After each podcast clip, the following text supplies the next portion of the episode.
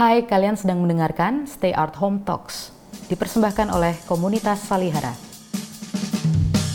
Program ini menghadirkan kembali perbincangan yang terjadi di Salihara seputar masalah seni, budaya, dan sosial sebagai asupan pemikiran dan pemecah kejenuhan bagi kamu di mana saja.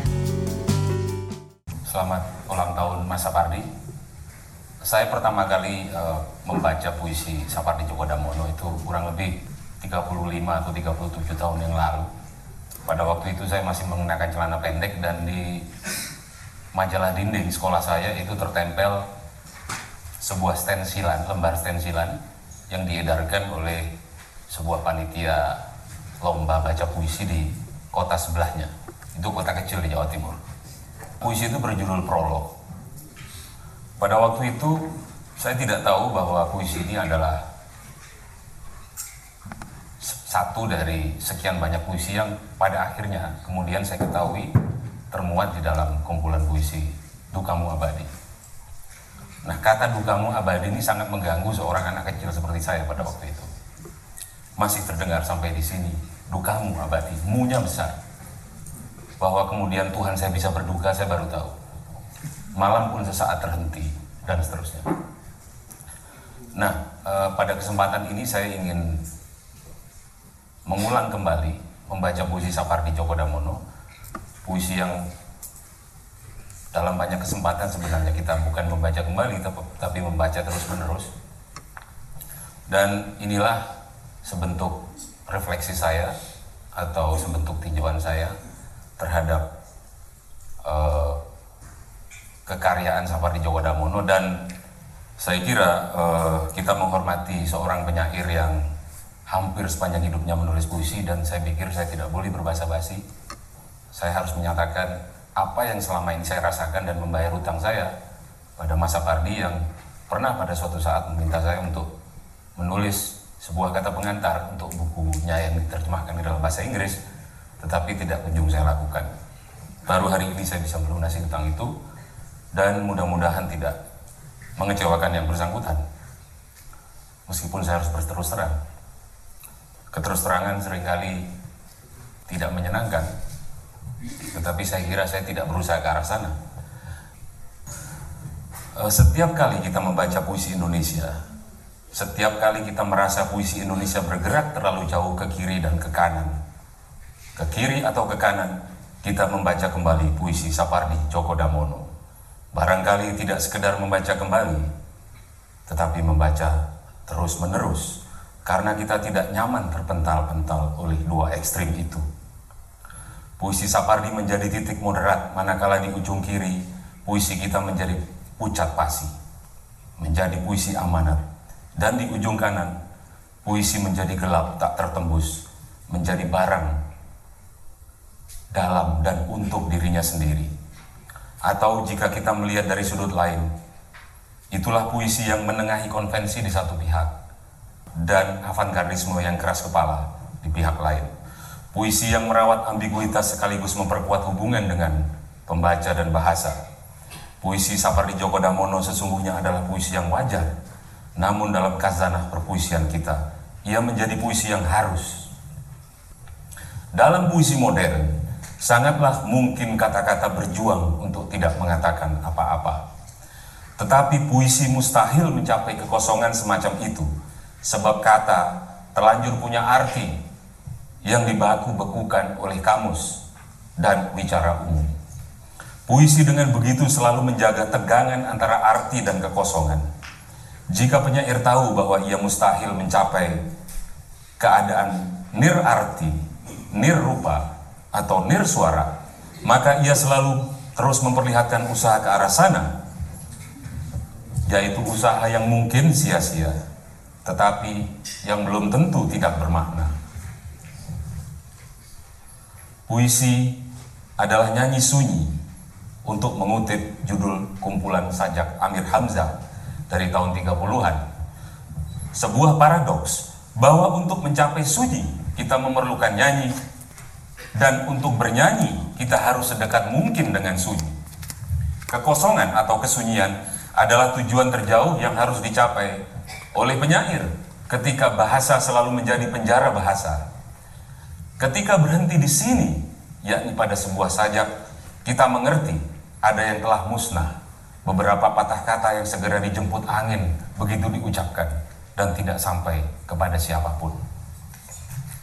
Saya baru saja meng mengutip dan memiuhkan sebuah sajak dari Sapardi Djoko Damono, kurang lebih sebuah puisi yang berbicara tentang dirinya sendiri, kurang lebih sebuah puisi yang bicara tentang kesunyian. Puisi yang kita mengerti bahwa puisi tersebut bicara tentang tidak apa pun kecuali dirinya sendiri. Dengan begitu, kita mengalami kembali sebuah nyanyi sunyi, sebuah tradisi lirik yang kurang lebih dibangun oleh Amir Hamzah dan Khairil Anwar. Namun ternyata kata-kata bukan hanya berjuang mencapai sunyi, namun juga berupaya menjadi benda, menjadi dunia. Dan di tangan Sapardi, sajak menjadi misalnya sebuah hutan di mana kawanan Kijang pernah tinggal. Namun kawanan itu mulai tak betah lagi di situ, sebab kata-kata dalam sajak kini berwujud anak panah yang dilepas oleh Rama. Burung-burung juga mulai meninggalkan sarang di sela kalimat-kalimat puisi, sebab tak ada lagi tersisa ruang di sana. Sementara beberapa orang pemburu yang terpisah dari anjing mereka menggeser setiap huruf, mencari binatang yang terluka pembuluh darahnya. Seperti kawanan pemburu itu, kita pembaca menggeser dan membalikkan setiap huruf untuk mencari binatang korban yang terluka. Barangkali makna yang sia-sia. Kata yang hendak mencapai sunyi di satu sisi dan kata yang berupaya menjadi organisme di sisi lain. Demikianlah wajah ganda puisi Sapardi Djoko Damono. Dengan membaca puisi, kita mencoba menyatukan dua sisi itu. Ya, hanya menyatukan saja sebenarnya hanya berusaha menyatukan untuk mendapatkan makna. Sebuah puisi adalah keseluruhan yang dibangun oleh unsur-unsur yang mengambang, bahkan saling berlawanan. Dan celah kosong di antara anasir itulah yang menjadi matriks puisi. Seorang penyair tidak bicara melalui prosa agar ia mampu memalsukan dirinya. Mewujudkan diri yang lain untuk mencari apa yang belum kunjung diucapkan bahasa. Sepanjang penulisan ini saya berusaha memusatkan diri, memasukkan diri semata-mata kepada puisi Sapardi Djoko Damono. Namun semakin dalam saya merasa masuk, semakin terbuka peluang saya untuk terdorong keluar ke tradisi persajakan yang melingkupinya. Dan pendahulu terpenting puisi Sapardi Djoko Damono adalah puisi Khairil Anwar. Akan tetapi, jika penyair sendiri tidak memilih prekursornya, pendahulunya dengan sadar atau terang-terangan, maka kitalah yang memilihkannya. Tentu saja, memilihkannya dengan selektif. Ya, memang pengarang belum mati, tetapi ia telanjur memalsukan dirinya, menyatakan si aku dalam sajak-sajaknya yang menyimpang dari diri biografisnya. Penyair hendak menjadikan kata sebagai anasir puisi yang terpenting. Tetapi kata, betapapun ia terlanjur berkait dengan sebelah menyebelahnya menjadi kata majemuk atau idiom, tak akan bicara jika ia tidak duduk dengan jitu sebagai bagian kalimat. Adapun kalimat itu sendiri urung menjadi kalimat sempurna, karena kesempurnaan akan menenggelamkan si kata. Jika kata boleh diibaratkan dengan cat, maka si penyair hendak membuat lukisan, yakni sesuatu yang tersusun secara spasial. Sementara sebuah puisi atau sebuah teks, sebuah tulisan, tak bisa tidak harus menjadi secara temporal. Ia punya awal dan akhir dan tersusun oleh rangkaian kalimat yang harus dibaca secara berurutan. Tegangan antara yang spasial dan yang temporal, antara kata dan kalimat Inilah yang digarap dengan baik oleh Khairil Anwar, yaitu bahwa sebuah puisi terdiri, terdiri dari frase-frase mengambang. Sebuah sajak modern adalah keseluruhan yang dibangun oleh fragmen-fragmen yang boleh jadi pertentangan satu sama lain. Di antara fragmen-fragmen itu terdapat semacam selisih yang menjadi matriks bagi puisi. Pada kesempatan berikutnya dalam beberapa halaman ini saya membicarakan uh, secara agak rinci puisi uh, Senja di Pelabuhan Kecil. Namun kurang lebih saya mengatakan bahwa eh, bagaimana teknik Hairil itu membangun frasa-frasa mengambang yang sering kali tidak masuk akal itu menjadi teknik atau menjadi potensi yang terus-menerus digali oleh para penyair yang kemudian. Ya, khususnya tentang dua buah puisi itu yang saya bicarakan. Senja di Pelabuhan Kecil dan Derai-Derai Cemara. Sapardi Djoko Damono memaknai Khairil Anwar sebagai perjuangan menguasai konvensi. Dan dengan itu ia telah menggarisbawahi pentingnya sajak-sajak Khairil yang berbentuk tertib, yaitu kuatrin dan sonet. Yang menarik perhatian dalam kepenyairan Khairil, demikian kata Sapardi, adalah semakin jauh ia memasuki tema konflik batinnya itu, semakin mendekat ia ke bentuk penulisan yang konvensional, Sajak-sajak bebas Khairil nyaris belaka dicibir oleh Sapardi sebagai tidak berbeda dari yang dicapai penyair-penyair sezamannya, seperti Siti Nuraini, Asrul Sani, dan Rifai Yapin. Bahkan sajak-sajak itu, sajak-sajak penyair yang barusan saya sebut tadi, menunjukkan taraf kematangan yang lebih tinggi daripada Khairil. Tentu eh, kalau kita membaca pengamat lain seperti Theo dan Gunawan Muhammad misalnya, dua pengamat ini sangat menghargai sajak bebas Khairil.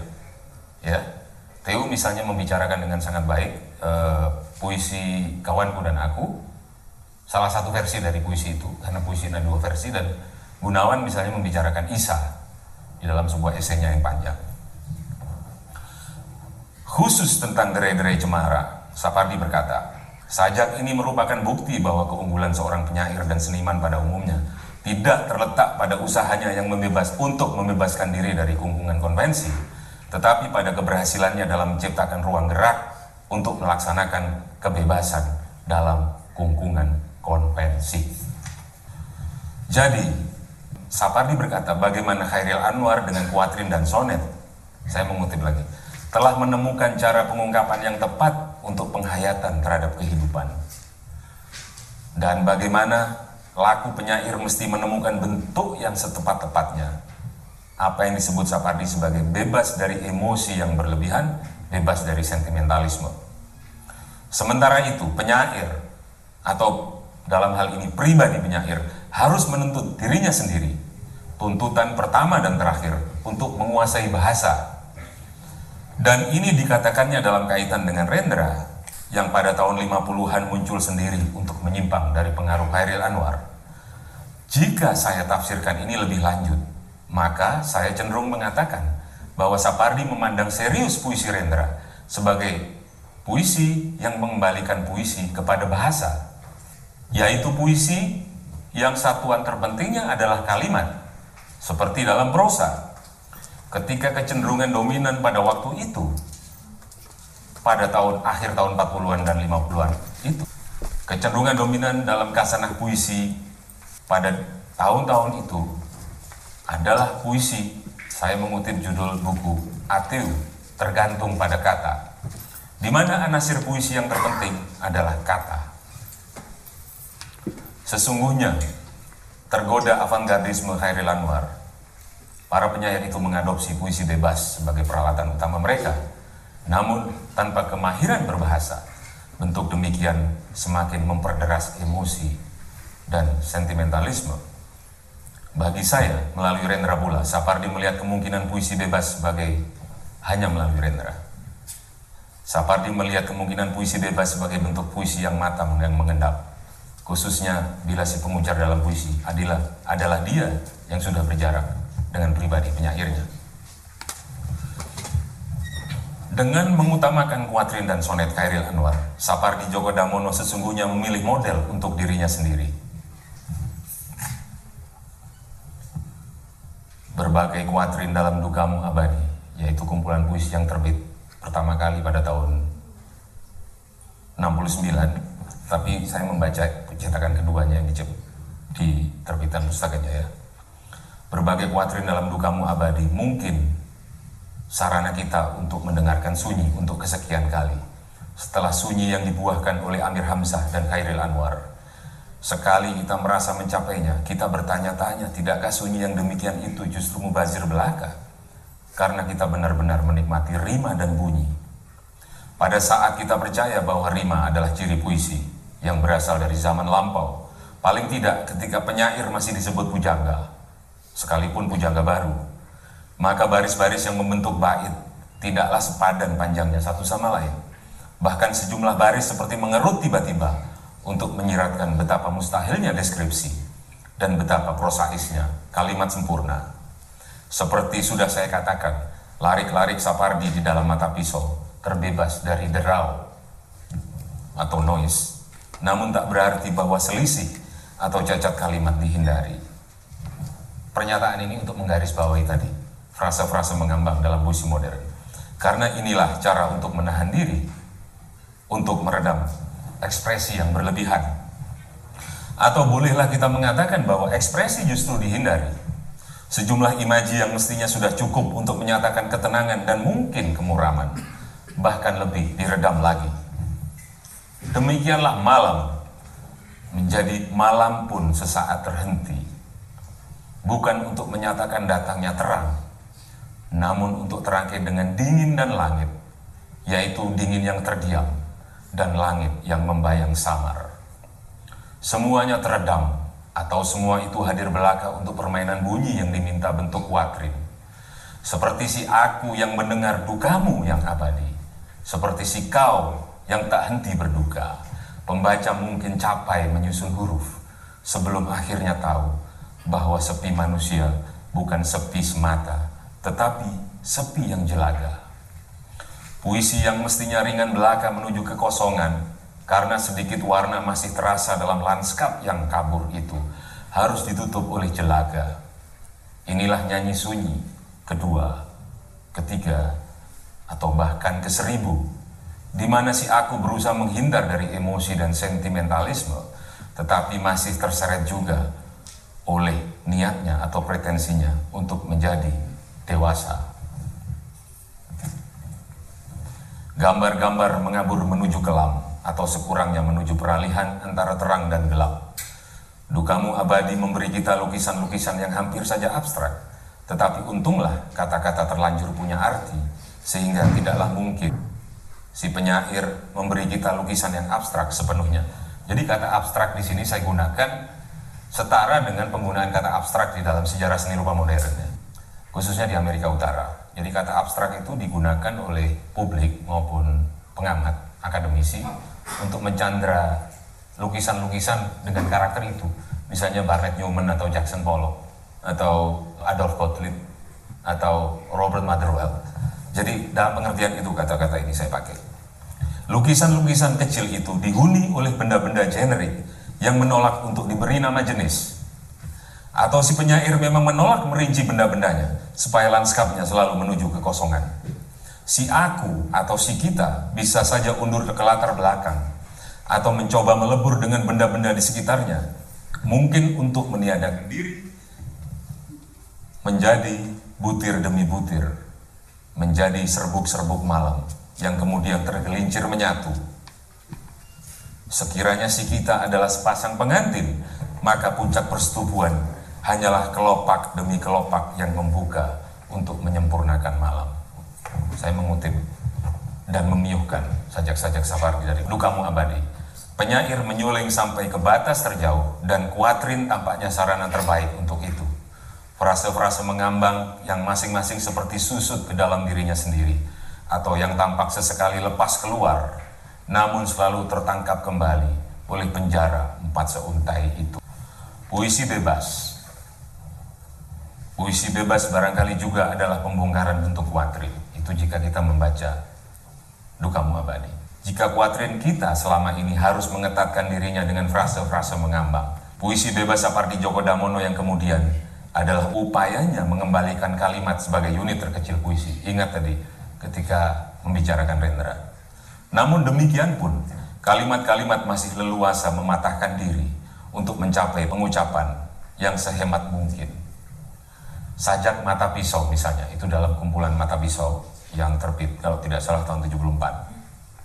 Sajak mata pisau misalnya, seakan gema dari pisau di jalan Rendra puisi Rendra dari tahun 50-an yang dikutip Sapardi Djoko Damono di dalam sebuah esainya tentang Rendra. Jangan lupa bahwa Rendra adalah penyair yang mengembalikan puisi kepada kalimat dan demikian ia menyimpang dari Hairil. Namun, jika Rendra mengembang biakkan ornamen yang membuat gambaran si pisau seakan terbenam, Sapardi membersihkan ornamen sejauh-jauhnya untuk memperjelas citra sebagian pisau belaka, yaitu mata pisau yang berkilat ketika terbayang olehnya urat lehermu.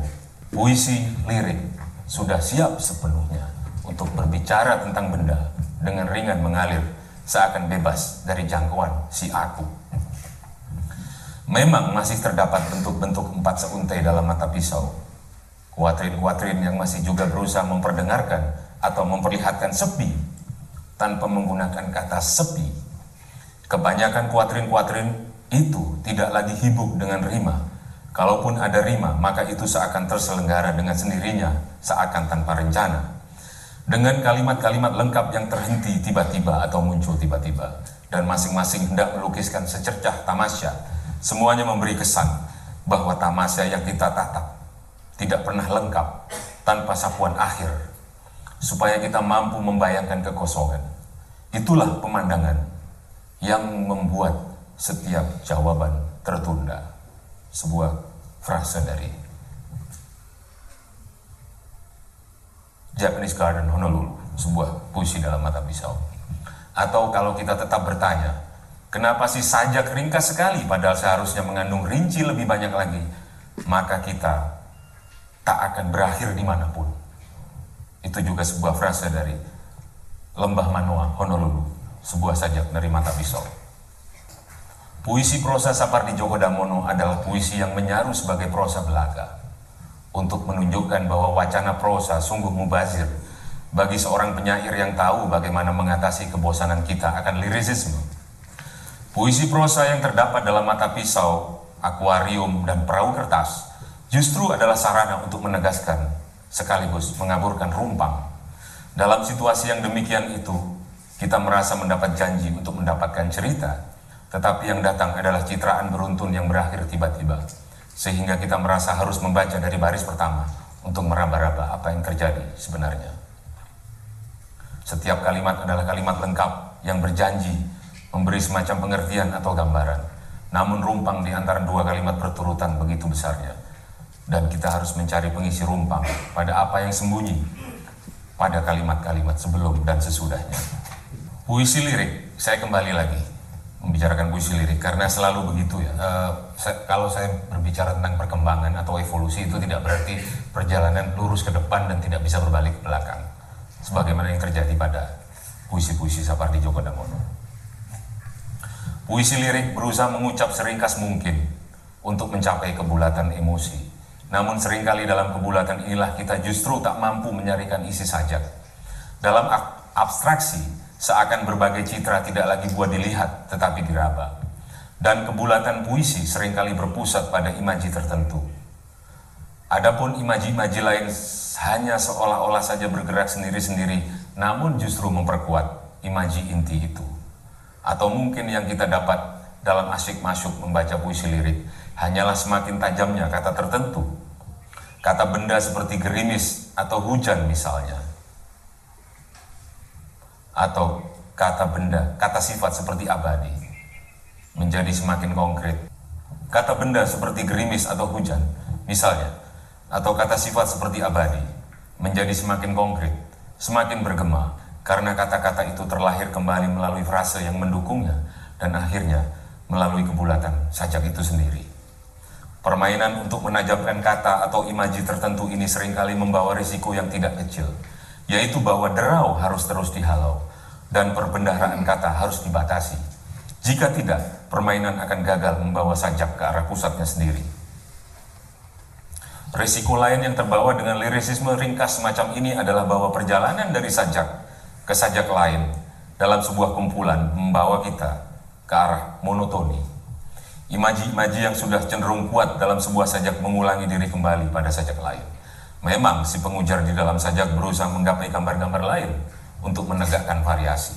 Namun tampaknya bentuk sajak telah menghalanginya dan ia sendiri bahkan menyatu dengan pusat yang kita bayangkan.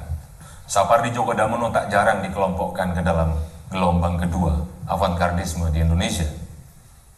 Jadi Itu dikatakan oleh antara lain Gunawan Muhammad tahun 69 ketika membahas duka muabadi.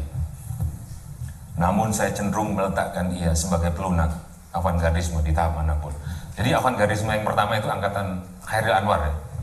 ya Khairil dan kemudian uh, surut perlahan-lahan mulai akhir tahun 50-an ya timbul sajak-sajak semboyan, sajak-sajak uh, dalam tanda kutip realisme sosialis dan kemudian gelombang avantgardisme kedua itu muncul setelah itu semua selesai kurang lebih tahun 66 di sini. Dan memang kalau kita amati memang itu ada ya. Bentuknya seperti apa ya Anda mungkin bisa bayangkan uh, pada tahun 70-an itu uh, banyak sekali terbit sajak-sajak eksperimental kurang lebih ya juga melalui Puisi Indonesia yang editornya uh, Mas Sapardi Djoko Damono sendiri. Pada waktu itu juga timbul sajak-sajak rupa, sajak-sajak puisi konkret. Ya saya kira itu semua bisa dikelompokkan semua sebagai gelombang avantgardisme yang kedua. Ya. Kita mengenal sebuah kredo puisi yang mengatakan kata-kata bukanlah alat mengantarkan pengertian. Kata-kata adalah pengertian itu sendiri dan seterusnya. Itu diucapkan oleh penyair yang bernama Sutarji Kalsumbahri. Namun saya cenderung meletakkan Sapardi Djoko Damono sebagai pelunak avantgardisme di tahap mana pun. Avantgardisme yang pertama, seperti yang didorong oleh Khairil Anwar, bukan hanya mendorong si aku terlalu jauh ke petualangan bentuk, tetapi juga membuatnya tidak kuasa menahan badai emosi dan sentimentalisme. Bukan, barangkali bukan avantgardisme itu sendiri yang ditolak oleh Sapardi, melainkan gemanya yang tidak sehat. Seperti kita ketahui, kaum avantgardisme tahap pertama itu telah menghasilkan antara lain puisi gelap pada tahun 50-an. Mereka yang terpesona oleh eksperimentasi Khairil Anwar, terpesona juga akan arus modernisme yang merasuk kemari, telah menggunakan bentuk puisinya, terutama puisi bebasnya, secara mekanistis, yang hasilnya adalah semacam puisi ide yang berkelindan dengan obskurantisme puisi yang menyorok aku terlalu jauh ke depan, ke latar depan puisi. Melunakkan avantgardisme adalah mendorongnya lagi ke arah bahasa. Tepatnya ke arah perilaku normal dari bahasa. Dan mungkin juga ini berarti mendorongnya ke arah masa lalu. Dengan memilih kuatrin dan sonet Khairil Anwar sebagai bentuk yang matang dewasa, Sapardi telah mengambil model untuk dirinya sendiri, seperti saya katakan